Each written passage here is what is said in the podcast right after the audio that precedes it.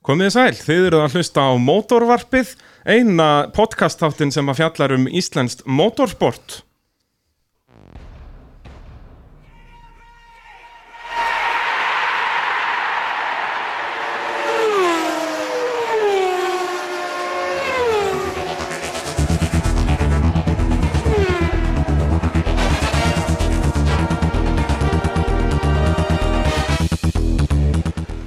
Gestir þáttarins að þessu sinni eru Heimir Snær Jónsson, sallaflæsaður, og svo Haukur Viðar Einarsson, kontur sallaflæsaður. Sælir Og já, þið eruð að keppa í torfæru og ralli og eiga það sammeigilegt að vera í fyrsta sæti í Íslandsmótinu í ykkar greinum.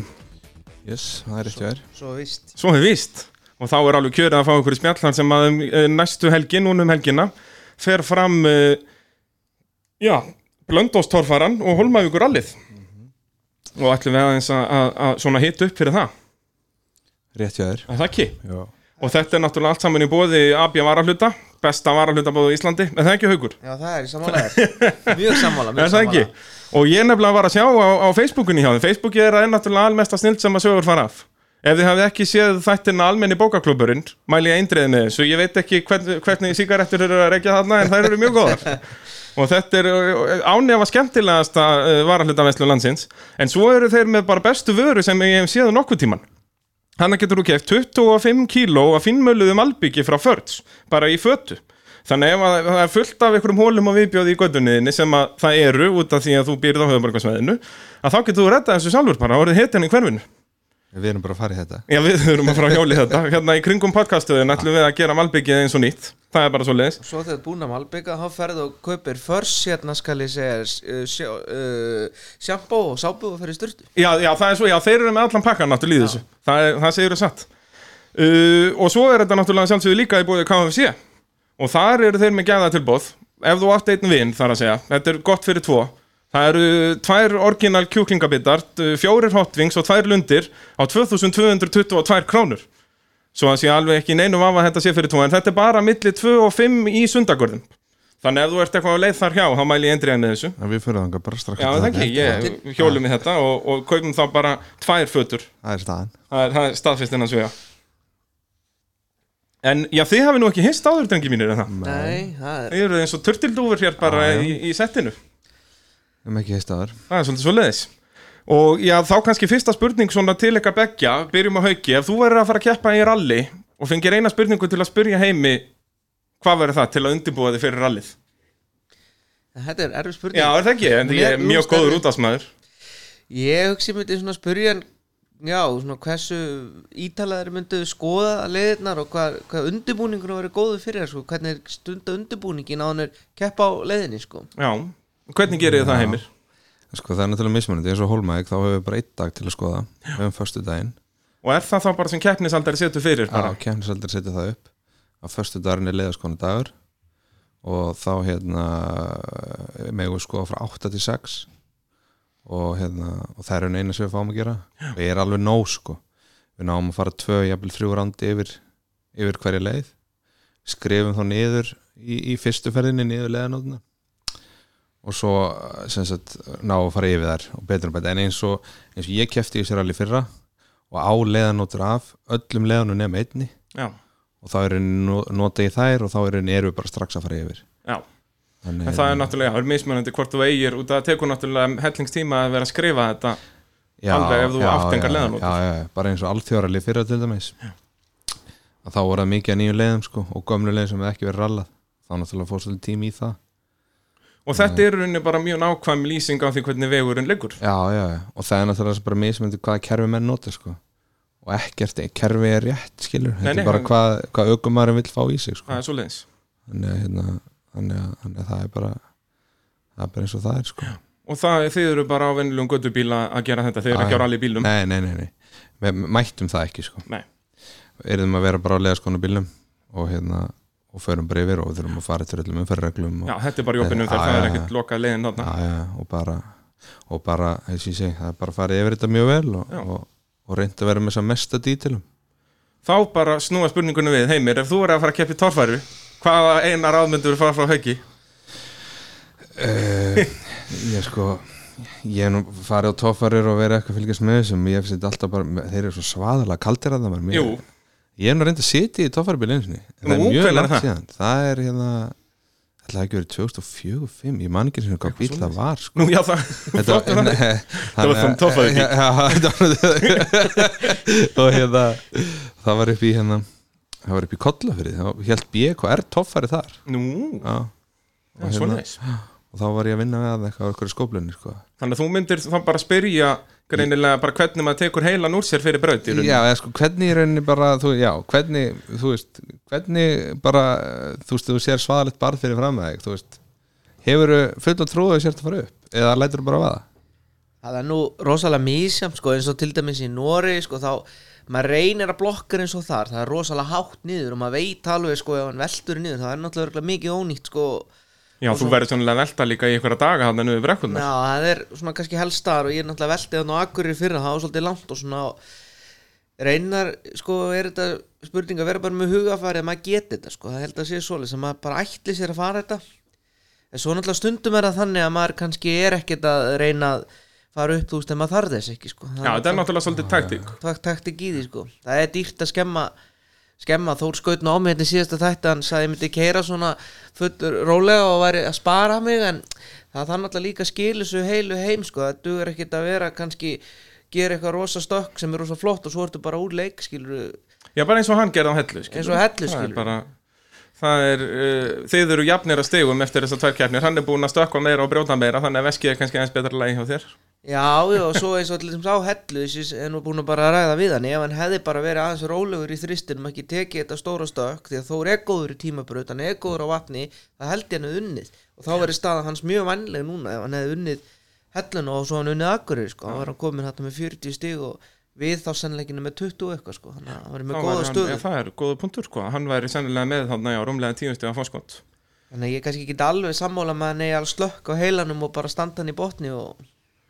En svona, jú, jú, þetta er, já, þetta er náttúrulega aðeins meira, en þetta er, maður verður að hafa smá taktík í þessu.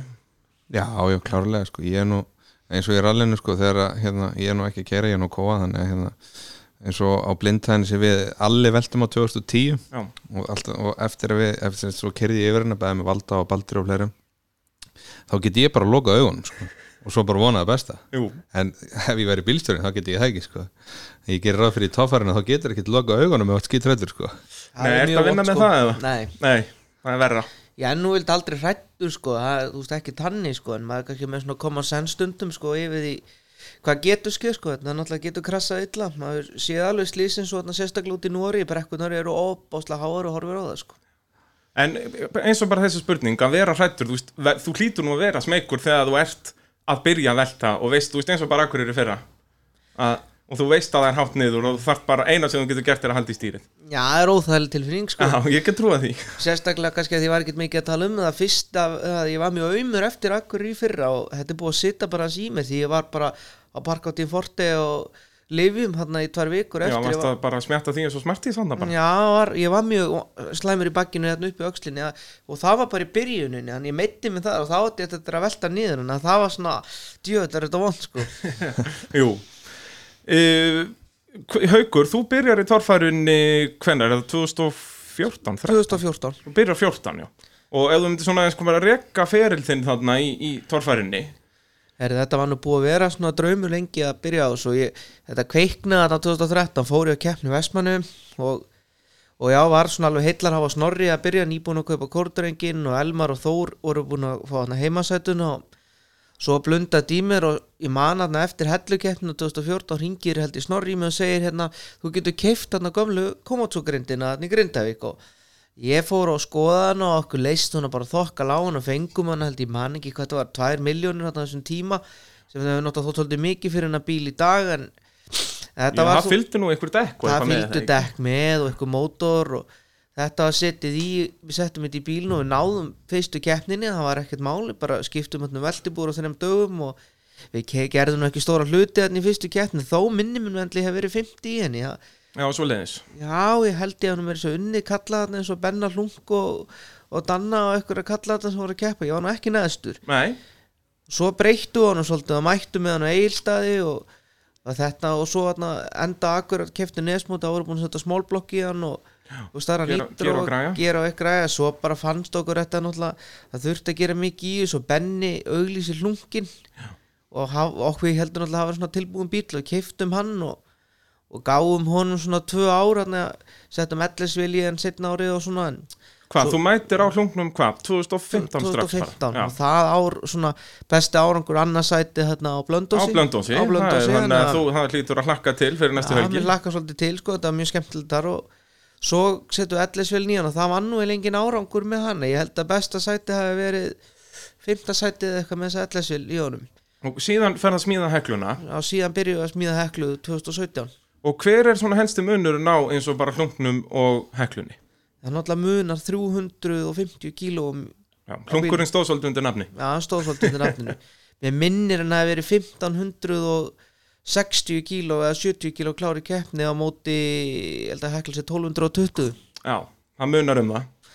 Já, og það var spáð í öllu öflur meiri beigjur og sterkari hásingar og það var henni bara farið öll leið sem, svona dýra leið sem hægt er að fara í svo ekki spara krónu sko Og er það ekki rauninni að borga sig svona inn í longrunnin sem maður segir að, að frekar að kaupa dýrustu varahlutina einu sinni, frekar að kaupa lélugustu varahlutina tíu sinni? Jú, því það er svo pyrrandi þegar þetta bilar og þá verður árangurinn engin Engin, sko, og þú lærir aldrei að keira bílinn, Nei. þetta hann er alltaf bilaður og, og, þú veist, og við þekkjum þetta líki í rallinu bara, mm, það, þetta er alveg sama prinsip það. já, já, það er bara það er bara svo leiðis Þetta verður alltaf að vera já. Þá, þannig kemur árangurinn, þetta, þetta er ekki bara, þetta er ekki eins og að keppa olimpíuleikunum að þetta er bara skrokkurinn af þér, að þetta er bíl og tæki. já undirbúningurinn skiptir eiginlega bara maður og tæki segja. undirbúningurinn skiptir svo miklu og máli eins og mér núna að vera með hann konna þarna í skerpu sem hérna svona viðhansmann á bílnum er náttúrulega bara rosalega flott sko það er hægt að fara bara renn full búið rennivest að búa til alla hluti hvernig sem er sólarhingsins Já. Það er náttúrulega líka skemmtilega við torfæruna að þú ferð ekkert í umbúið að, færa, að sækja varahlut. Þetta er bara rosal, smíða. ég er rosalega gaman ef ég þarf að kaupa eitthvað svo lakk eða eitthvað svona dót og ég fyrir á, í búðinu og segir mér vantar þetta og þá segir hann hvað bílnúmer já það er ekkert bílnúmer en ég segi stundum sko hérna 1702 hérna hvað var það eitthvað númerið á henni og þá, ha, hvað er það það var að grinda númer á dofarbílnum ég er gaman að stríða þeim Já, um að gera, um að gera. Og já, þú byrjar þá á heklunni þannig hvað 2017 eða ekki. Jú, mættum, náðum ekki fyrstu keppninni mættum í stabban en það gekk rosalega vel í stabbanum og eins og kannski flesti muna þá var ég efstur eftir fjóruðbrautina þarna þó að valdi að vera eini sem áttur að, eftir að klára hana þarna þetta er slísi en það gekk alveg vonum Já, framar hann fyrir allir í bakjunni. Já, það fór allir í bakkinu sko Það er rétt, þú var bara fjóra, keppni, fjóra brautir svo keppni. Já, ég var hérna efstur eftir það þannig að það var svolítið gaman að mæta með hann og, og gekk bara vonum framar sko Og svo í fyrra vinnur þína fyrstu keppnilóksins, Já, það er Akranes. það er Akranes og svo náttúrulega vann ég hérna í Nóri núna setjundaginn þannig að það eru konið tveir sigrar á bílinn hann Já, og þú ert nú eini í torfærunni í ár sem er komið byggar á öllum keppnum. Já, svo er víst Þannig að þetta tímabil byrjar og þú ert svona, já, búin að vera mjög svona konsistant eins og maður segir. Þú ert bara alltaf á palli. Já, ég er búin að vera svona ekkert ofæstur en kannski ekkert ofrólegur Já. Helviti gott. Heimir, þá kannski snúum við að þér. Hvernig, þú, þú ert nú búin að vera lengur í þessum haugur. Er rallinu. já. Uh, ég hef búin að vera í kringum þetta mjög mikið síðan 2001 ég byrjaði að keppa sjálfur 2004 Þá hvað gamall? Eh, þá var ég 19 ára og hérna og uh, keppi þá eina keppni alþjóðaralið keppi síðan haustral 2005 og síðan 2006 ég tek allt tímanbíl 2006 7, 8, 9 10 11 og svo 2012 13, 14, 15 hefur verið að taka svona valdakefnir Já. einstakakefnir og hérna og já, svo En hefur rauninni verið að keppa öll árinni það ekki? Þú hefur verið eiginlega ekki sleppt úr ári. ég hef ekki sleppt út neittni kefni neitt ár síðan 2004 kefti eitthvað Já, þess að, já, kefti allavega eina keppni. já, já, já, en ég kefti þarna hvað 6 eða 7 tímabili röð þarna Og þá ertu með Pétri, eða ekki? já, ég er með Pétur sko 2006 og 7 nei, 2007 og 8 og fer svo með hérna, svo keiri ég hann sjálfur 2009 og fer síðan með alla hann á með, með 6 brósa þarna á, á eðalt, eðal runóbifrið.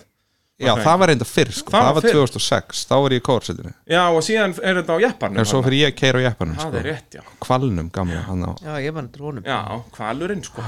og hérna og svo fer ég í kórasetti aftur með alla hérna.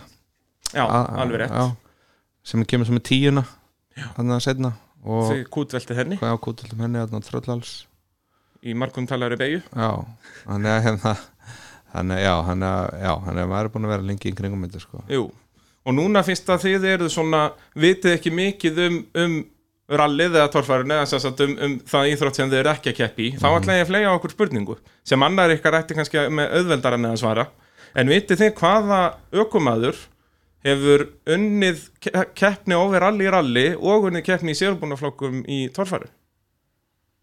Það er bara einn ökumaður sem hefur náð þessum árangri. Overall í rally og tófaru Já, eða sérst í sérútbúnaflokknum í torfæru. Er það Jónörn eða?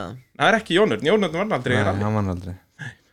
En þú veist eins og Henning hefur unni sér útbúin á göttubílaflokkin í torfæru Já, og svo því, sko. overall í, rally. En semst í sér útbúin flokknum í torfæru og overall í rally. Er langt síðan þetta gerist? Það er langt á milli þessar atbyrða en það er svona tiltulega stutt síðan að annar sigurinn kom eða svona, já, það er minn en tíu ár held ég. Tíu ár. Það er hálf vandræðilegt, annar ekkert er ekki búin að svara þessu núna. Ég ætla ekki að segja hver. Ég vitið ekki neitt. Vitið, þú verður að gefa okkur smá Einhverja tíma. vísbendingu, hvað ár var Hvor var hann á undan? uh, Hann vann torfærukeppnin á undan hann vann toffari kemtinu undan og það liðu 11 ára á milli sigurana 11 ára milli sigurana þetta verður örgulega mjög svona að Þi, já, já, þið hlustendur, þið, þið eru brálaðir alveg bara að þið vitið þetta ekki. Ég, ég trúi ekki öðru. Segðu mig hvað ár þetta var í var 97 vann hann í tólfærinni 97 toffari og hvað á 2008 er Var hann það Pétur? Það var Pét og Haukur Er- gæti á undan heimi. Og það var heiminn sem að vann þessa keppni með Pétri. Haukur, ég kann að metta þetta, þetta er virkilega vel gert. Heimir, nú getur þú farið heim bara. Þetta var hún nálagt mér. Ha, Þú fórst að hugsa alltaf langt. Já. Hann Bakari, Á flugunni? hann náttúrulega Á vann á flugunni. hann eina keppni á já. Já, það er rétt. Ég að- vissi þetta en þú veist þetta var bara þetta er svona svip og ég man ekki í hvað toffari bíl í sattan Já, ég segi það, þetta er græjar eitthvað Já. Það er eina vitið. Pétur vann á Eilstum Já, já, þarna, 97 og, þá, og hann vann bara þess eina keppni í tólfærinu held ég. Hann vann svo aðeins fleiri rallinu. Já, já, ég gerði það. Uh, Haukur, þú varst að fleia inn fréttum í vikunni að þú ætlaði til skíjan núna í, í hvað, byrjun september að keppa? Já, það er búið að ákveða það. Og hvernig er það, sérst, þú náttúrulega varst í hvað, fyrsta og þriðja sæti eða það ekki, þessum fyrstu tveimur umferðum í, í sérst Norex mótinu eða hvað þetta kallast, það er nú einu umferð í Svíþjóðu það ekki? Jó, ég held að sé nú kannski borin vona að vinni norska titilin en þetta er nú bara alveg að fá reynslu og hafa gaman að keppa við það úti Ég var reyndar efstur með skúla eftir uh, fyrstu tvær þar sem að ég lendi þrið og fyrst og hann tvisar í öðru sæti, það er Akkurat. öðruvísi stegagjöf ég held að sé sko 10, 8 6, 5 Já, eitthvað já, gamla bara eins og þetta var á Íslandi já. Já, gamla- 10, 8, 6, 5, 4, 3, 2, 1 Já, það sé svoleiðis hjá þeim sko, ég held að þeir séu núna jafnir Jókem Knudsen og hann Atli með 21 stig sko. Í mótinu, eftir þá semst fjórar umferðir eftir fjórar, sko. Það var náttúrulega umferð núna um helgina. Já, hann að það munar þá orðið sko 5 stigum núna í, í hann sko. En hérna það getur náttúrulega skeið í toffaru en Og á, þangað til skíjan er, er þá, eru þrjár keppnir þar á milli eða Nei, bara, bara ein? skí, svíþjóð. Það er bara ein keppni og það er, já, er bara ein keppni, það verða ekki eins og þeir eru nú oft með tvær keppni sem við helgi Nei, það er bara einn keppni einn dag. Þannig að Uppsala, ef að svona einhver annar en þessir vinnur þá keppni, ætlar allir að vera með í Svíþjóð? Já, ég held að hann sé neittur til þess út, Hann út af þessu sko. Þannig að, að þetta er þá alveg möguleiki. Já, ég ætla nú ekki að segja þessi mikli möguleikar en þetta er nú bara svona að hafa gaman að því að Þú ert kannski ekki alveg að hugsa um það, heldur meira að segja reynslu og Já, náttúrulega bara ég kefti skíin 2015 og hann náttúrulega bara geggja svæði og náttúrulega bara rosalega háa brekkur og challenge að keppa þarna og svo ef möguleikin ná mattrand þarna ef þeir að halda hana þarna hálfum mánuði setna Er það keppnin sem var aflýst í byrjun aflýst þarna í byrjun sko. Það er svoleiðis. Og þá náttúrulega ef þetta eru þá fjórar keppni sem eru eftir, þá getur allt gæst þá getur náttúrulega svo sem allt gest en þetta er rosalega gaman. Hann að maður hlakka mikið til að fara þarna og það væri náttúrulega algjör snilt ef að þú og Atli endið á að vera að berjast um fyrsta sett í Norex-mótinu Þá getur þessi normenn farið heim til sín. Það er slæmt fyrir þá sko það þeir- fyrst og annar sko. Ef að þið valsið þarna á þe e- e- á þeirra heimavöll og vinnið þá. Já, það er rosalega fúlt fyrir þá sko. Já, bara eins og þið gerðu í rauninni í semst Norðurlandamótinu, heimsumstaramótinu þarna. Já, þarna fyrsta daginn heldur Íslendingar í fyrstu áttasætunum Top 5 held ég að það hefði verið.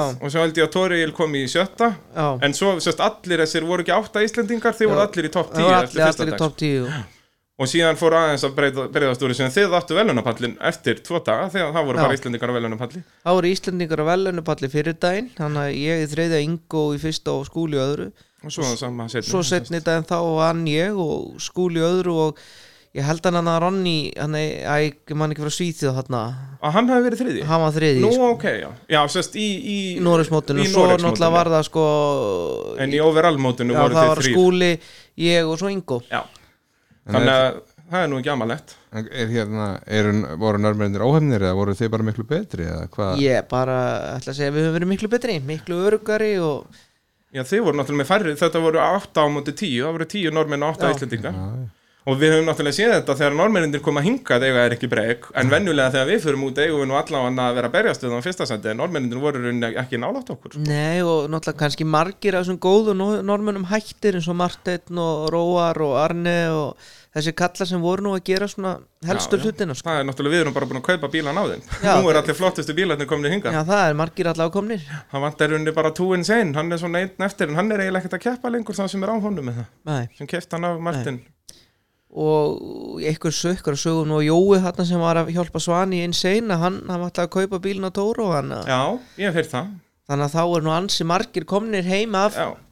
En þetta virðist líka vera svona, þú veist, eins og þegar að torfærin hérna á Íslandi var í svona smá læg þannig um það liti sem þú ert að byrja haukur, svona Já. kannski 2012, 13, 14, að þá er norska torfærin í mikill hæð á sama tíma Já, og þá núna, fannst mér þeir svona kannski aðeins á undan okkur. Ellesvélarnar og þetta, við vorum ekkert hvernig að hugsa svona langt nei, nei, þetta er náttúrulega miklu ódýrara í Noregi að kaupa allt allan að búna eða ekki. Mm, Ég Það veit það það svo sem kannski ekki en bara kannski þróaðari sko Já, já.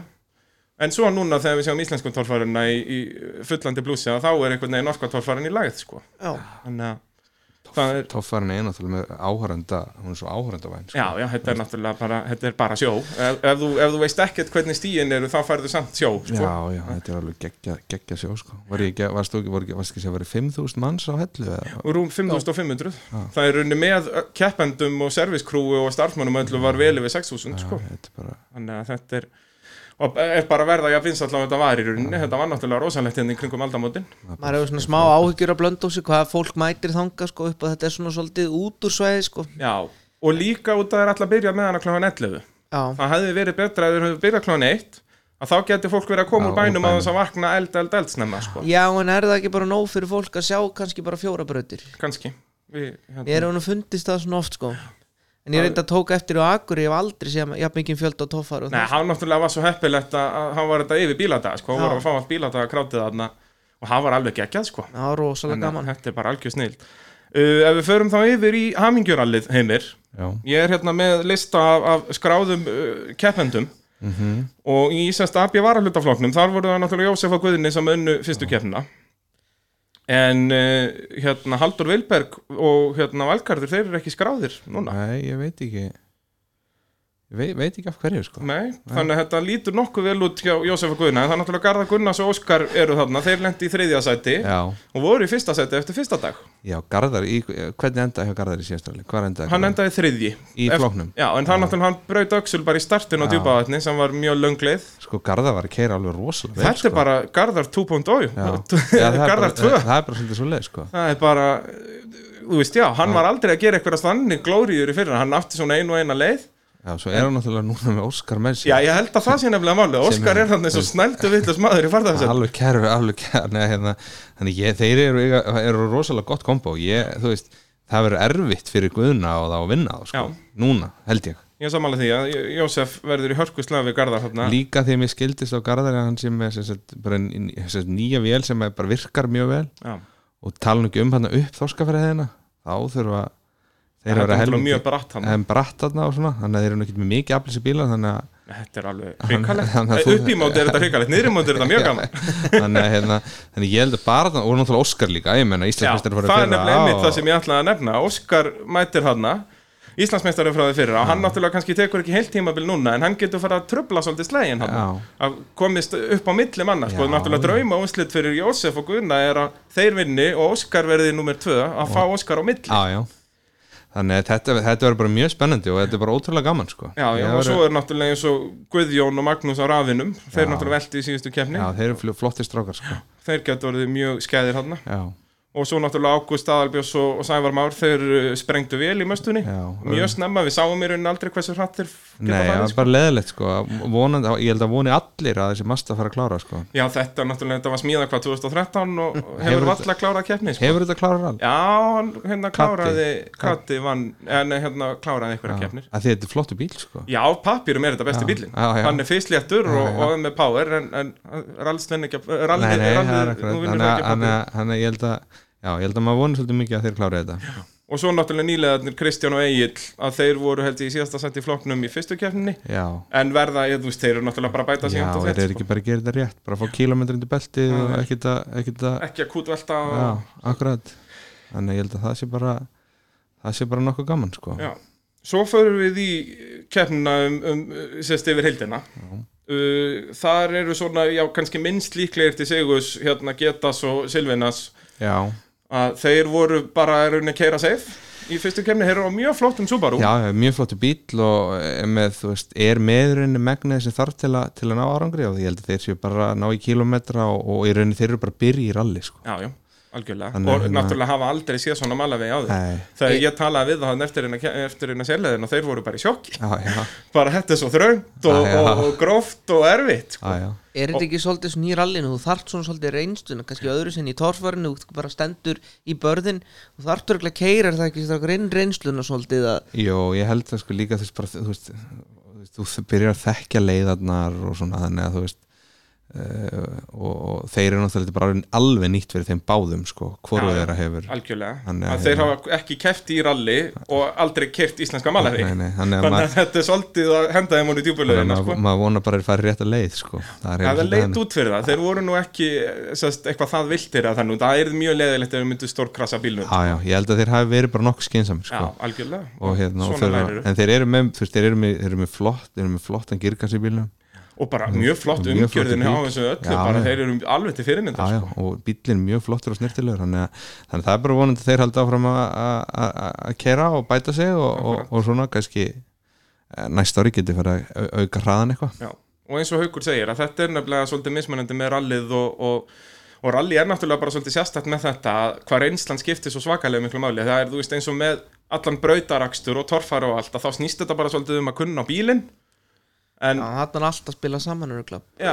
okkur og Já, og undirbúningur maður liðið, þú veist hvernig bara þú veist, e, þú veist hvernig, hvað, þú- veist, já bara andlega hliðin, bara eins og í öllu skilur Já, hvort sem já. það er tófara Já, eitthvað, já. en þarna náttúrulega ertu bara þú sérð, þú, þú veist, þú kannski getur keira 15-20 mínúna leið og þú ert þarft alltaf að halda fókus sko, þú veist aldrei hvað hinn er að gera Já. reyndar á sömu þessu leiðum ein- eins og e, e, e, kannski eins og þeir sem eru búin að keira í þessu lengur við eru kannski fannir átt að sjá því sko, hvað bílan undan er að gera á leiðum sem eru er eins og djúpaðin til dæmis þá getur þú fylgst með bílum undan sko. að þú sérð hann og veist hvað hann er og, en, en, en svona í, í all flestum leiðum að þá, þá hefur ekki hugmyndum hvað hinn er að gera sko. sem er náttúrulega mjög erfitt á langri leið að, að þú verður svolítið að stilla þið inn að- að að er ég að keira nú hrætt er ég að tapa tíma, Akkurat, mann sko. líður alltaf eins og maður sé að tapa tíma já.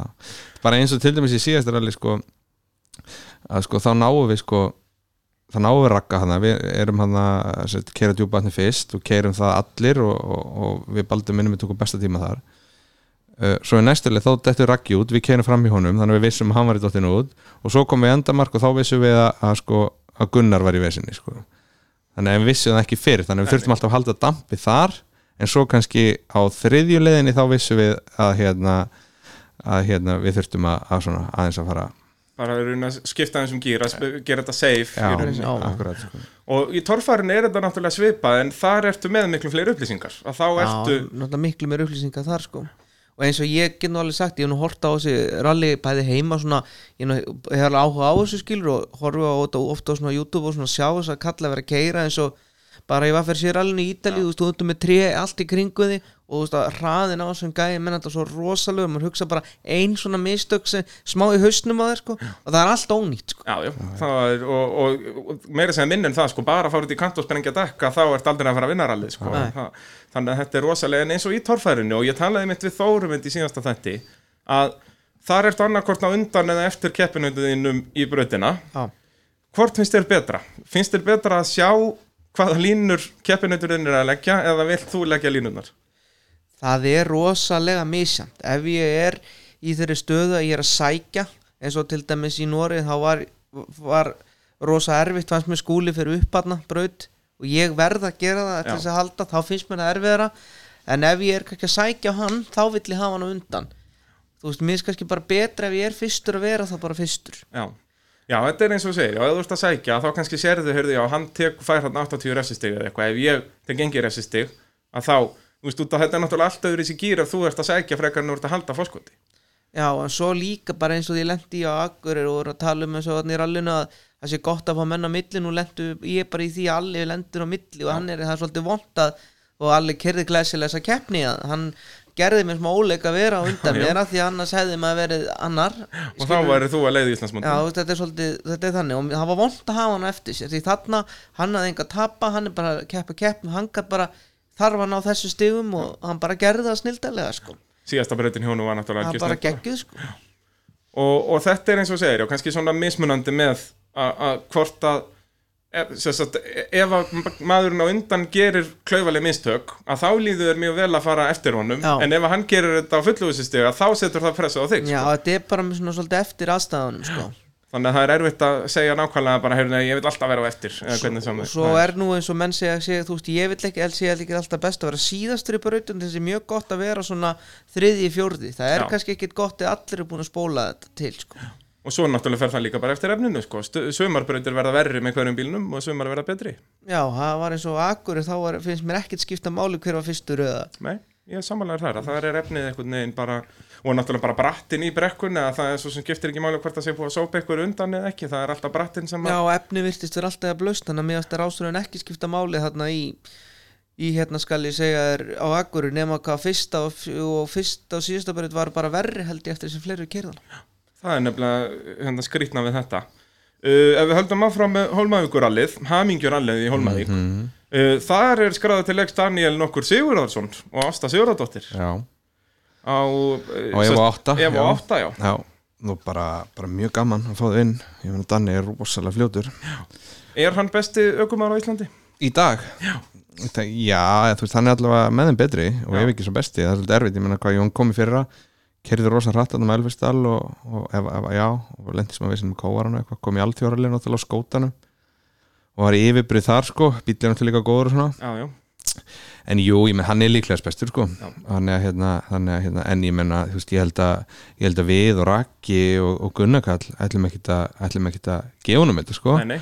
Og ég held að það sé bara gott fyrir, fyrir, fyrir alla aukumennir sem er að keppa þetta turbo að fá inn danna því að þegar þú færið en aukumann sem er hraðar en hinnir þá þurfa hinnir að bæta í. Já. og þú verður aldrei betri en að þurfa að bæta þig. Akkurat. Og, og uh, Daniel, sem sagt, hann náttúrulega kefti ekki í fyrstu keppni, er með Nei, 0 stig í já. Íslandsmótinu, þannig að hann getur svolítið farið að trubla slægin um titilinn. já, já, þeir sem leif honum kannski að gera það. Sömur kannski ákveða að spá ekkert í honum. Þannig að að gera þetta þannig, þú og Baldur? það þarf eiginlega bara svolítið að koma í ljós. Maður þarf svolítið bara að sjá hver hraðin að danna er og, þú veist, þannig, og hvað Gunnar er að gera og, og Raggi er að gera og, og þú veist, þetta er og Siggi og Siggi Brægi og þú veist, þannig að, þannig að maður þarf svolítið bara svolítið að spila þetta eftir hendinni sko. Og hvernig gerir það þá? Keir, takið fyrstu leiðina þá bara svona nokkuð safe en hratt og, og svona sjáu hvað þeir eru að gera? já, þetta er, þú veist maður má náttúrulega heldur ekki kera á hægt sko, Nei, nei, að það það þú veist, það eru Og hana, þá kemur aftur inn þetta, þú sérð aldrei keppinu Nei, þannig að, við, við ræsum sko eftir danna við ræsum um tvö og hérna sem er bara fínt og hérna þannig ég, ég held að við keirum bara þú veist okkar ferð bara svona sem við höfum oftast gert ég og Baldur. Síðan við byrjum að kera saman sko. Höfum eitthvað bætt í á einstaklega stöðum og eitthvað en, en hérna uh, ég hugsa að við tökum fyrstu ferð bara svona bara keirum og, og fylgjast með en, en við, við klárlega veist, við fyrir mjög öll til að reyna að vinna og svo bara spilum við eftir hendinni hvað hva, hérna hvað gerist svo. Nákvæmlega. Uh, svo er Sigurður Bragi Guðmundsson og Ísak hver með honum, Ísak Guðmundsson, legend í bransanum. Já, nákvæmlega Þeir eru nú búin að vera lengir það ekki þessi tveir Jú, þeir byrja, hvað, 2003, 4 á metro, Er það ekki 2003 sem þeir eru að fara á metróan? held það. Já, og eru búin að vera saman síðan Já, nánast. elsku, þeir eru eins og turtildúfur bara Já, alltaf. já, flottir Elsku saman hjartanstrengir Já, var ekki Sigur bara að ég byrjaði fyrr? Jú, jú, Jú, hann, hann er búin að vera, bara Hann byrjaði 85 eða 6 held ég sko. Já. Ég var nú Bara- eitthvað að spyrja um daginn hvað hann er keft marga keppnir. Ég var að segja hann um að niður að taka þetta saman sko. þetta er orðið eitthvað svaðalegt Þetta magn, hlýtur sko. að vera ég með man eftir ég var bara 10 Já. ára gutti þá var ég að horfa á hann keppa hann hver var með honum þá? 97-8 Röggvaldur Rögnvaldur, Pálmarsson Rögnvaldur. já, já, Þá er hann á, sérst, hann byrjar á metrónum 97 já, Er á talbót fyrir það, hann byrjaði nú á lötu Það er mjög hvað að sagja hvernig hann byrjaði sko. Þá var það, hérna, var lata rallybíl í göttunan Sá hann íbúin að Já, sér eitthvað íbúð og hérna og, og, og hann er eitthvað sníklegt í kringu bílun og hann kemur eigandinn á vinnum og spyr hann bara, heyrðu, vilt þú keppi rally næstu helgi? Og hann bara, ha, já, ég hérna, misti prófið en ég er búin að gera auðlýsingasamning bílinn verður að fara í keppninu, getur þú keirt? þeir eru aldrei hitt hvern annan, þetta var einhver útvarsmaður sem var hann og, og þannig bara síðan eins og hann útskýrir þetta og hann man ekkert fyrir en það var bara að byrja að telja niður hann á fyrstu leið. Það, er nefnilega skemmtilega við, við þetta rall sko. það er ansi margir sem að sem að geta unnið sko. auðvitað menn misraðir sko, og, og, og var þetta að ranka það einhvern veginn en, en hérna, en þú veist eins og við varum að tala um aðan, eitt sprungi dag þá getur þú dottin í sjöndu sæti sko. já, bara eins og með Sigga Brá Ísak ég minna þeir geta leikandi unnið þetta já, já, já, er þeir geta það klárlega Siggi sko. bara kann að vinna röll já, en það sem er kannski að, að svona síðustu ár hefur kannski þessi bíl ekki verið að klára röll Nei. þannig að hann hefur ekki klárað röll síðan 2016 nei, það er bara þannig. já, akkurat og hann vann þar all þannig að já, þannig að hérna þannig að, já, þannig að Ég- ef hann klárar þá er hann líklegur sko. Það er svolítið svo leiðis þannig að maður þarf svolítið að sjá hraðan og ég nú ekki alveg hraðan á hann í síðasta rallið þess að leiða sem hann klára, hann var nú reynda með ágúst með sér ekki, kó, kannski ekki mikið mikið lestur sko. Nei, nei. þannig að það er spurning hvort að hraðin aukist eitthvað. Ísak, hún finnst nú ekki skemmtilegt að tapa. Nei og þeir fóru þannig fyrra náttúrulega. Þannig þeir eru, búið, eiga, eru með nótur af þessu og, og eru eina áhöfnin já, sem fóru þetta rally fyrra saman í leðaskon, því ég fór með Gunnari það er fyrra. rétt, já. Ba- Baldur, þannig að sko þeir eru áhöfnin sem fóru saman. Þannig að þeir eru kannski hvað best undirbúinir hvað það var það sko. Það er rétt. Og það er náttúrulega Ragnar Bjarni hann var hann í fyrir enn með öðrum aðstofnum hann var með Braga með sér, nú fyrir hann aftur með Emilíu. Þau eruðu Íslandsmeistarar í AB varalutafloknum í hitti fyrra. akkurat sko, og svo Íslandsmeistarar í fyrra en þau dött út úr fyrstu keppninni. Já þau dutt út. Og eru þá með uh, 0 stig Núll stig sko. þannig að það er eins með þau og, og Danna og Sigga Brá, náttúrulega Já, Siggi Bræði eftir út líka. Að þau eru öll svona, já, að ekki, það er kannski ekki rétt að segja þessi og tröfla slegin um Íslandsmeistaratitil núnda því að þau eiga ennþá alveg helling já, þó að er séu bara fjórar sko. Þetta er galopið sko. það, Þú veist eins og ég ef þú ert farin að spá í einhverju Íslandsmeistara stöðu strax í annari keppni Já. þá verða þeirra falli því ég hef gert það. Já, það er svo leis Já, bara 2008 þegar við Pétur hann unnum söðunisrali þá fórum við strax að er og reyna að ná sem bestum árangri án þess að kannski að hérna hvernig maður orða, veist, reyna of mikið. Og þá kannski bara kemur þetta sko.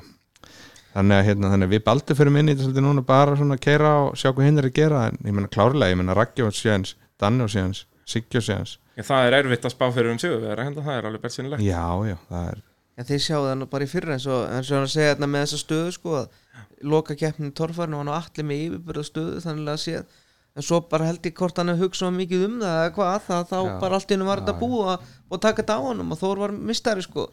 Og það er, þetta er náttúrulega, já, svipaði torfærinni að, að merður bara eiginlega að taka eina braut og eina, eins og eina leið og, og svo eina keppni sko. Við lendum í sko síðast er alveg svolítið gott dæmi sko því að við, við baldur hérna, eh, skiptum um girkassa í vetur og hérna vissir svo sem endur hann er lítill. Töpum rosalega miklu hérna þessi tókum held í næstbest tíma á Nikkel svo fyrir við að vera á Patterson töpum eitthvað smá þar og svo fyrir við að vera á Stabafellana já, stafahöll er með mjög löngum beinum Já, þannig að við töpum rosalega miklu.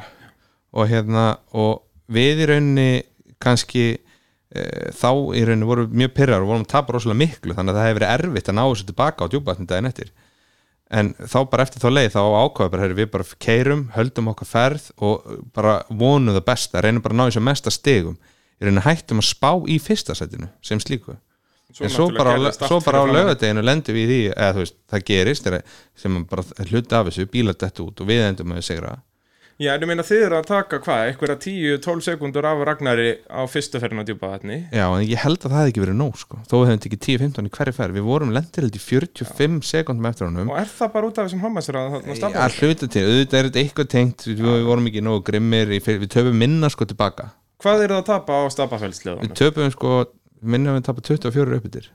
24 Það sekundur er náttúrulega uppbyttir. allt og mikið bara út á beinum Já. já, en við erum búin að skipta um hlutvöldi núna sko. Já, það er svo já, leis við, við, sem, ha, sem við fórum önnur hlutvöldi núna. Já, er það ekki eina vitið í Íslandsmóti í rally er frekar hratt? Svona já, almennt. allavega sko þetta var þetta var svo rosalega lágýrun að þú veist eins og djúpaðan til dæmis og þú, þú þekki það nú að þetta var bara þannig að við vorum í fjóruð og fymta Já, það er svo já, og sumstar þar sem að við, hef, við hefum kannski vanalega verið í þriðja fjóruða hefðu bara átt að verið í fymta þannig að það var snar brengluð, brengluð gýrun í honum sko. En Það er náttúrulega óþægilegt fyrir ökum mjög óþægilegt en við erum búin að breyta því núna og, og ég meni við erum bara rosa fegnir með þessi 20 stið sem við erum konið með og, og, og, og teljum okkur eiga talsvægt mikið inni miður við síðastar alls sko. Hvað eru að keira rætt svona þessar leiðir? Ég er nú kannski heldur spáðið því sko. Hvað Þú er veist og hraðinn á- hámasræðin á bílnum er nú ekki mikið Nei, Það er sko, kannski við- 180, 90 já sko, við, við, sko út af þessari gýrun núna þá náðum við mest 161 á Það er náttúrulega ekki neitt, sko. og hérna, en ég veit að ég held með minnir að Gunnar kallaði að tala um hann að fyrir 203 eða 207, ég man það ekki Já. og Raggi Gröndal eitthvað svipað ég man Og- það en ekki þú alveg, veist, ef er svona við tölum ekstrím bara um, semst sko. eins og djúpavatni, hvað er það í kílómetrum?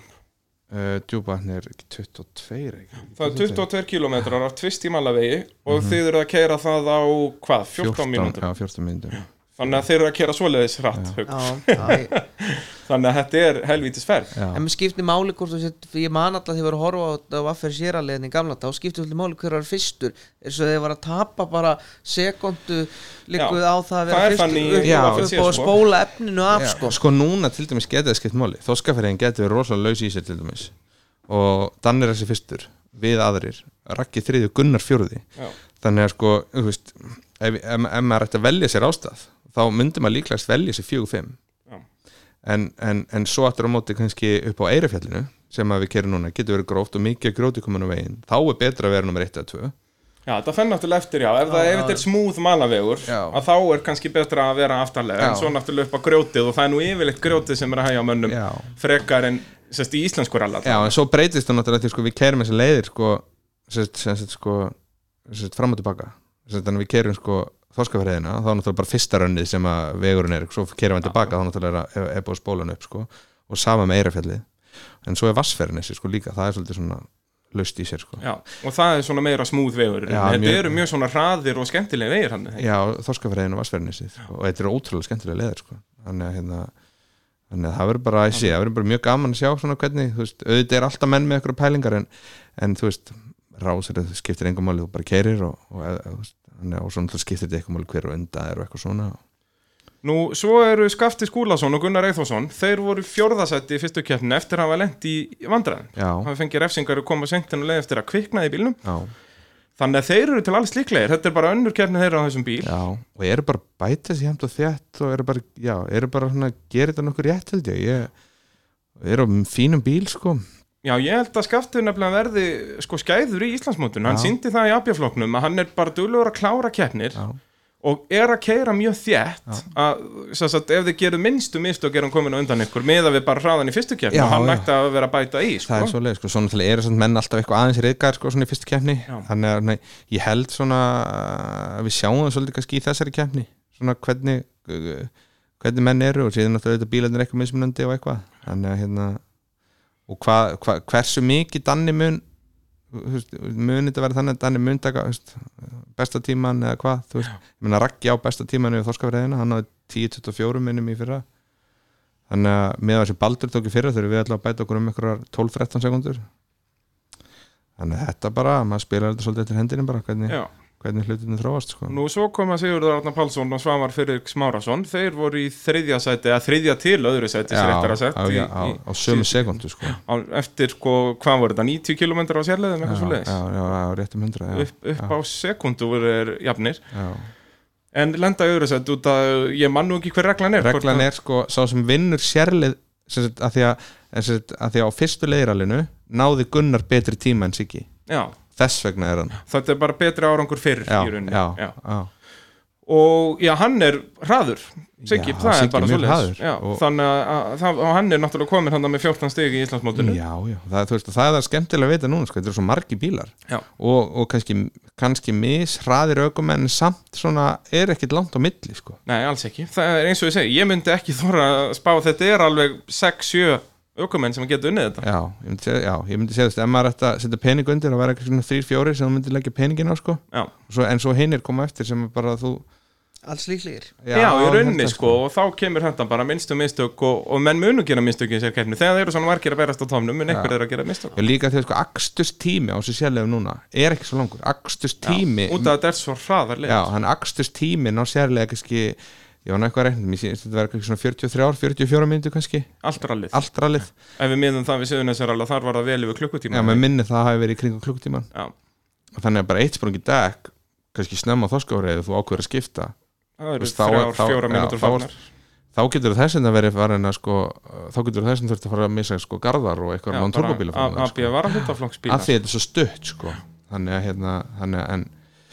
þannig að hérna en, að hérna, en það er nú skemmtilega allir sko. Jú, jú. og tófarinn og allt þetta getur allt skeið í þessu. Það er bara íþróttir almennt, Já, það, já. það er ekkert handrit, þetta er algjörum veistla og svo eru þau að berjast á topnum í Íslandsmótur núna, voru í fyrsta og öðru seti það er sérst í öðru seti í fyrsta rallinu var Gunnar Karl Jóhannesson og Ísak Sigfússon á Lancer Evo X, Mhm. Já, sérst Evo Evo 10 já. og fengu í rauninni átján stig þeir fá 15 stig fyrir annarsendi og svo voru við með hraðasta tíma á ofurleiðinni Mhm. og fengu það þrjú meðan að þú og Baldur fengu 0 stig á þeirri leið þannig að það eru bara 2 stig á millikar þið með 20, Gunnar með 18 Já.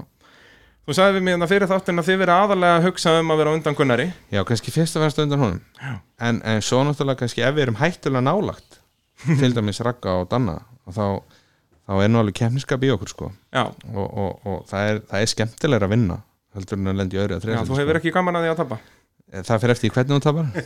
En hérna, en hérna en, þannig að þetta mun bara svolítið Gunnar náttúrulega fyrst og fremst munum við hugsa um hann í þessu rally Já. en eins og ég sagði áðan ef við erum, erum hættulega nálægt þá erum við ekkert fyrir að gefa eftir. Nei. þannig að hérna, allavega ekki mikið en við, eins og ég sagði, þetta snýst allt líka um svona skinnsemi ekki að fara, fara að gera eitthvað sem að sem að mun kannski storkaði við þá bara dettum út sko. Já, já, Þannig það, að- það þarf að dansa á þessari línu. Já, að og, og við þurfum bara að sjá hvernig það þróast sko. Heldur betur, en það verður sem sagt veistla á Holmavíkum helgina. Já, já, hvetjum alla til að skella sér þangað já, já. eða blöndós eru þeir ekki skráðir hérna á valdi og Nei, þeir eru þeir ekki. hérna valdin fekk ekki varahlut í bíli sinn var það ekki eitthvað svoleiðis? Jú, hann sagt, var eitthvað, að skiptingaflari eitthvað í girkassunum sem að, og, og fekk ekki varluti og er í vandræðum, ég heyrði nú bara í honum aðan, hann er bara í vandræðum að finna varluti í þetta. það er svoleiðis er það verra með Mitsubishi en frekar en Subaru en að finna varahlut í Nei, þetta? ég held bara, að þetta er sko, þetta er eitthvað ungverst, ungversku girkas eitthvað, ég var Já, eitthvað, þetta er eitthvað, ég, ég, ég skildi ekki alveg hvað tegund þetta væri, en, en, en hérna, en mér skildi þú alltaf, það er bara þeim er erfið að finna varluti í þetta, sko. Hann verður þá bara að fá sér eitthvað, eitthvað annað, hann verður að mæta í alþjóðarlega kallin. Já, það er nú langt í alþjóðan, hann verður nú búin að redda þessu fyrir það, blessaði drengurinn. Ha, hvenær er alþjóðalar það er í lok ágúst. Það kemur góð pása núna, sko. Já, nú að er þetta bara eins og við vaffir síðan, það er bara sumafrí Já, yfir já. tímabilið sem Já, já. er um sumar. Þannig að ég held að allir séu glaðir að maður sé að það sé komið, sér pása sko. Já, ég, það er fínt maður að, að hérna, en náttúrulega leiðilegt að missa krókin út. Það er mjög Það leið er alveg ferlegt. Og, Það er venjulega sett söðaklóksrallið er þarna í, í lok júli alltaf, helgina fyrir Vestlunmanna það er helgi. svo gaman að horfa á svona gamla rally þátti þegar ána var Malbygg að þeirra fjalli þeir rölluðu það sko Já, það er náttúrulega rallað ennþá, en náttúrulega við stökkum bara yfir Malbyggsvegin, tvistust það í gegnum Já. það sko, sem Já, er já. mjög gaman, en það er náttúrulega bara bútur af því. já, Og nú er búið að taka það al kennileitið þarna, það er sennilega þess vegna sem að rallið er ekki haldið. Húsið við endan, það, það brann. Það brann Þannig að ég var að keira að vera fella þarna og ég bara vissi ekki, Pítur, hvað er ég núna Já, maður? já, Þetta er alveg ferlegt. Uh, ef við færum okkur þá yfir í torfæruna það er blönd á torfærum helgina. Því miður þegar við erum að taka upp en þátt er sérst gráning ekki lokið þannig að við getum ekki farið yfir endanlega lista keppenda. Ég mana nú svona sirka, ég já var það er svo leiðis skoða hann aðan hérna ef við förum þá kannski aðeins yfir Íslandsmótið að það er í sem sagt sjönda sæti Jón Vilberg. Já, að með 12 stig og hann náttúrulega hefur bara keppt í uh, einni keppni endaði hann að fjóriði á Akureyri. Já, mér fannst Jón hafa keirt svona bara mjög vel miðað við að fengi bílinn. Þeir voru ykkur vesinni með gangin í honum hann já það er svo leiðis Já, svona eitthvað svona þeir voru ekkert alveg með, hann var ekkert alveg upp á tíu og hann var að, en svona var þetta að koma í restina þeim og ég held að Jón hefði bara gert það sem hann ætlaði sér. Hann skilaði sér, kláraði keppnina endar hann fjórði hefði alveg getað enda annar sko, þetta var aðeins hann náttúrulega eins og klárar ekki já. hann tapar hellingastigum þar. Tapar helling og ég held að Jón geti alveg orðið svona skæður sko þegar líður á.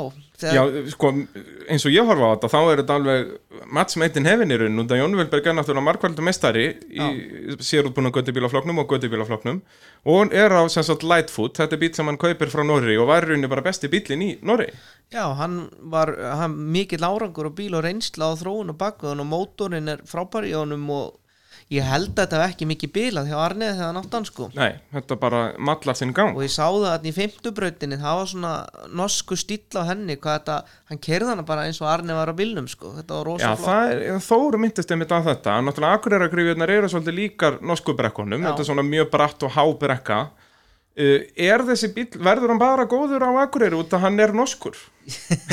það er erfitt að segja sko. Ég, hann þyrfti náttúrulega að sanna það, hann er því mér verður ekki með núna hann, Hann verður ekki með á blönda sinni Hann hann, verð, en hann verður á Akarnis, hann stemt á það það að þá sjá hann í svona stuttubökkunum og Já, það er náttúrulega alveg anstæða í rauninni með við Já, eins og Akureyri sko. og, og Noreg uh, Svo kemur Ási frændi Já. Ásmundur Ingjalds, hann er uh, þarna þá í sjötta seti með 14 stig Já. Hann er nú skráður á blöndónsið Hann er skráður. Já, okkar maður já, já, já. Og hann svona gæti farið í eitthvað slag hann kannski ekki alveg um fyrsta seti í mótinu en, en hvað, hann er fjórði á hellu fjóruð á hellu svo gekk nú Og svo, ekkert nei, úti ek- og ég og er svona ekkert, hann fann þá bara tvö stig ef að reikningur minn er réttur á, á Akureyri. Akureyri, hann náttúrulega klárar ekki allir brautir þar, hann brýtur hann eitthvað að framann já, ég held að hann sé með ykkur 12 eh, nei, ykkur Hann er með 14 stig. 14 stig.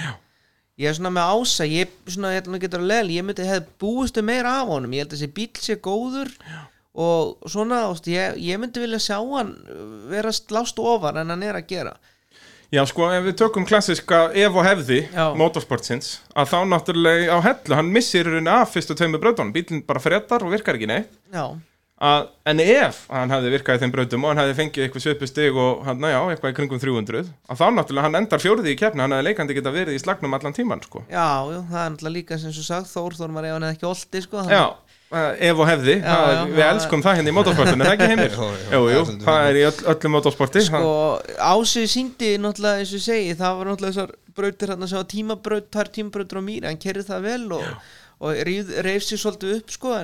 á en svo náttúrulega bara eins og hann í Nóri og eins og Akkur þá bara hefði maður viljað sjá hann svona að vera aðeins ofar þó að menn getur náttúrulega kannski ekki stjórna því ég held hann sé búin að vera rosalega öxla við sinni sko. Já, það er svo leiðis, já já, mér skilst að sé búin að vera að brotna bara eins og tannstöngar hjá hann um öxlaðni sko. Og svo í Íslandsmótinu, í fjóraða og fymta sæti kemur Guttin Reborn, það er Ingo Alexander, vestmeðaðir eru alltaf að skipta um ökumenn á bílnum. Já. Ef, þetta væri eins og í formúlinu, að væri keppni bílasmiða líka, þá væri Guttin eh, langestur. já, Já, ekki lang, hann væri með 34 stig. já, En það er já, annarsætið hjá Ingo á Hellu og annarsætið á Alexander á Akureyri. En það er Ingo sem er skráður á bílnum á Blöndósi. já, ég var svolítið hissa á því ég held að Ingo ætlaði að vera lengri pásu en Já, hann, svo sagði hann mér allavega á Hellu. Þannig að það er mjög gaman að sjá hann. ég held að sé nú bara löngunin sé svo mikil Hann hefur verið að fylgjast með alla á Akureyri og bara í það í puttónum. Já, hann er nú erfitt með hann Ingo hann hlífi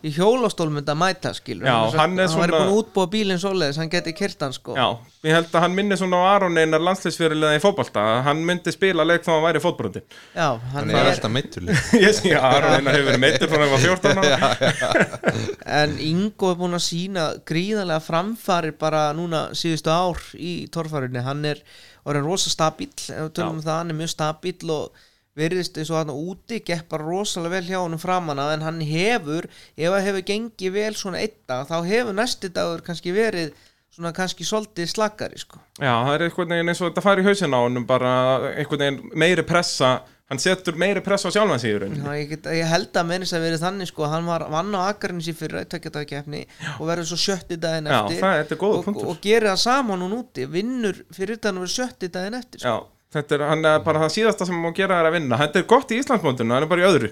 Já, það getur bara skilað Já, já, góðum árangri. Algjörlega, en náttúrulega ég er alveg sammálaður með Ingo hvað hann hefur bætt sig út að bara fyrir tveimur, þreimur árum var hann að gera ótrúlegustu mistöku á þessum bíl. Bara villast í tímabrautum og bara svona hinn og hinn klaufamistökin. Og eins og segja núna, hann er bara mjög stabíl Já, ég myndi, ég óttast sko, ég hugsa sér helst að óttast hann er maður hægt að taka tölfræðina því hann er bara búin að sína það síðustu, að síðustu ára og núna býta hann breytti bílnum, jók beigjurnar og, og hérna breytti eitthvað búrin, hann sægi betur og svona og hefur róast og hann er bara mjög grimmur og svona, þannig að ég myndi svona, ég held að hann náttúrulega er kannski ekki beint inn í slagnum að því að mistu keppni en hann er þarna fyrir aftan okkur og getur strítt okkur ef við gerum mistök. Það er alveg nóga bíl hjá mér og ég Já, dett út að- nóg að keppnum eftir líka. Já, hann er Þannig að er það eru þetta ekki Þrjár. þrjár, já, Jú. það er Blöndós, Akranes og Akureyri aftur, þetta endar á Akureyri. Og já, eins og við Þór vorum að tala um í síðasta keppni, í síðasta þætti ég hvet hlustendur og hlustan það þátt eða við mista á honum að hérna að hérna Ingo er með 17 stig. Já. þeir eru þrýr efstir með 30 stig. Já. að þetta væri svolítið annað fyrir Ingo en væri bara elda einn eða tvo með Já, 30 stig. En það er svo ólíklegt að þið allir þrýr farið að tapa svona svakalegum stigum. Það er mjög náttúrulega ólíklegt að ég, Geir og Geiri og Þórsi munum missa allir úr ykkur á braut eða heil, heila keppna og vera neðalega þó allt geti gest í þessu en það, mér finnst það mjög ólíklegt sko en, en hann er að má ekki gleyma honum Nei, sko. nei, alls ekki, alls ekki. Og, og verður gaman að sjá hvernig staðan verður í mótur núna eftir næstu helgi. Uh, Svo eru þið, já, þrýr Geirivert, Þór Þormar og þú Haukur allir með 30 stig. Hvernig óttastu mest þarna, Haukur? Ég held að Þór, hann Þór er alltaf hættulegur, hann er grimmur, hann er með rosalega gott servicelið og hann er svona maður sem getur reynt sko og bílinn kemur í einhverjum hakka buffi eftir, eftir brautina. Sem er eftir aðra hverja braut. Já og svo er þeir alltaf búin að laga hann sko þannig að ég er svona meiri trú að Þór geti verið hættulegur og eins og ég segi, ég myndi vilja ef ég, eins og sem að alltaf stefnan að vinna sem stráka, en þú veist ég helst að vera búin að byggja fóskoti fyrir Akureyri-keppnin ef maður alltaf hafa því hann er mjög góður á Akureyri sko Alveg svaka sterkur. Það er náttúrulega, hann vann keppna þarna í fyrra á Akureyri með eiginlega fullu húsi, hann fór upp í öllum brautum. Já, já. og svo bara svipaði ár, hann var eiginlega búin að vinna keppna fyrir síðustu braut, hann var með rúmlega 300 steg á fórskot fyrir síðustu braut Já, bara eins og líku í fyrra sko Já, þannig að það þannig að er, þetta er alveg, þetta er góða punktur hjá þér að það þarf að, þú þyrftir að vera búin að byggja fórskot í rauninni fyrir Akureyri. Helst sko, ég myndi segja það en Geiravert hefur svona hann síndi nú hella og hann ekkert að gera neitt framan af en hann keiri vel tímabrautir hann geir og Hann er náttúrulega, já, mjög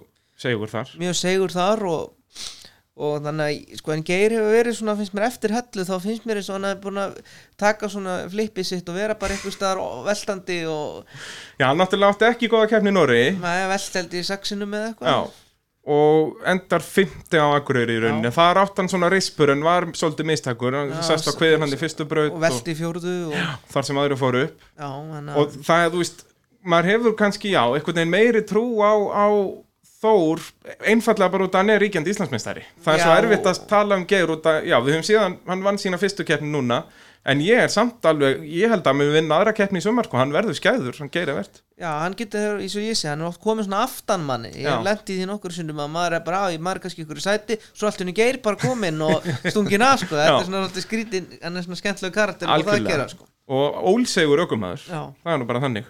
Langaði þér að giska hver er í áttunda sæti í Íslandsmótinu í torfæru? Með átta stig? er það hann hérna á hamraranum? Nei, hann er með sjö stig held ég, eða jafnónu með átta stig. Er það þá gummi? Nei, nei, nei, nei, þetta er Chris Harris, Þetta er Chris Harris tokkir þáttastjórnandi. Það er spurning að fá hann aftur Já, ég held að hann er bara í bullandi slag hann er hann sittur í áttunda seti með átta stig en uh, það er nú líka þannig að, að þetta virðist vera bara slagurinn virðist vera milli ykkar þryggja það er ansi mörg stig hérna í næstu menn. Þetta er náttúrulega komið þarna hirtu svolítil stig af. Eins og við vorum að tala um í Noregi og svona, það er geta komið á strýtt sko. Ko- komin á milli hann hvað voru þeir í sjötta og sjöunda eða ekki? Jú, Nú Það- styttist bara í að sá þáttur verið síndur ég held að hann sé bara næstu vikum. Þegar við sjáum toppgjör á hellu. Menn hafa nú verið að hrósa þessari nýju serju að það- þáttastjórnandir séu skárri en þeir voru síðan sko, þetta náttúrulega fór alltaf hliðina eftir að þeir þreminningar hættu þarna. Já, en, en það er verið að hrósa þeim og eins og Freddy Flintoff, hann er náttúrulega svona mikill karakter hann í Breitlandi sko, er, er mjög frægur þar þó að við þekkjum ekki mikið til cricket heimsins Nei, nei. En þeir stóðu sig á hellu bara með stakri príði eins og þú veist að bara fá bílarni í hendurnar og þetta voru, skilur, þetta voru ekki einhverju bílar með svakalega LS-vélar og þetta voru, og eitthvað svona, hann bara með Já, já, bílinn og svo gamla heimasettan hinn sem var hinn bílinn, þannig að mér fannst þeir að staðið sér bara alveg opbóðslega vel. Ég er alveg samanlegar þar, það var mjög gaman af þeim og náttúrulega frábært að fá þessa umfjöllun. Og svona til þess að segja við fyrir mér þessi ef sko, hann var óeppin alltaf, hann drap á hann Freddi, Freddy, já, já. í þriðju. Og bara kunni ekki að senda blöndungsbíl í gang. Nei, og, og ef hann hefði bara klárað til dæmis eins og ána ég tók þetta eitthvað saman að þá hefði hann enda fjórði. Já, á undan ása. Undan ás Ef og hefði Já, það er náttúrulega flottur árangur á, á þessum bíl sko, eða skilur að flottur árangur á manni sem tekur bara bíl og keirir hann sko. Já, bara einhver krikettir leikmaður Hann á ekkert að kunna gera torfærubíl Nei, en ég held að skrána, ég held að séu núna 15 skráðir á Blöndós Á Blöndós, já. Og hvað, það var hann að síðast, hvað, 2015 Já, Og haf, voru þið allir þeirra meiningarnir að keppa þar? Nei, Ekki Ba- geir ekki ger ég, ég lendi öðru, Þór á hlungnum. Já, Þór mætti og þetta var tímabili sem bílinn sprakk alltaf fyrir brautina þannig að, hérna, Hann, þannig er hann að spætumann hann er að spæta með, hann komst ekki á stað. Nei. Þannig að þú ert í raun eini sem hefur kyrt En er ekki búið að breyta svæðinu? Jú, það er rosalega flott, það er búið að móka helling úr Já, því já, og já. Það er bara mjög sambærlegt eilstum og alveg fí, Já, ég trist mér að leggja sko haugabrautum þarna með hvernig það leit út sko. Ok, þannig að þetta verður heljarinn að keppni á Blöndósi þetta verður mjög skemmtilegt sko. Og við bara hvetjum alla til að skella sér eh, Já, annarkvort á Blöndósi eða Hólmavík Eða bara bæði. Er rallið tvo daga? Nei, það er bara einn dag Þannig að þetta er alltaf, alltaf á sama tíma Þetta er ferlegt. Ég verð á torfærunni því miður heimur minn Það að mynda þar fyrir, fyrir erlendar stöðvar og svona Þannig ég neyðist til að vera þar. Það er skilinlegt En ég sendi kveður á Hólmavík í, í hamingjuna þar. Það er nú bara svo leiðis. Og ég ætla bara, já, að- að að ljúka þessu hér. Ég ætla að óska ykkur góðs gengis herramenn í, í keppnum helgarinnar. Hvað er fyrir? Og já, það er nú, mótorvarpsgestir hafa nú verið að standa sig með stakari príði, sko. Baldur var nú hér gestur í fyrsta þættinum og hann vann og hann rakki líka handa alltaf hættu þessu. Þurfum, ég, ég er við erum ekki að fara að gera það Nei, er það nokkuð? Nei, nei, nei. Hérna, já, gangi ykkur bara mjög vel og við bara sjáumst og heyrumst í næsta þætti. Takk fyrir að hlusta.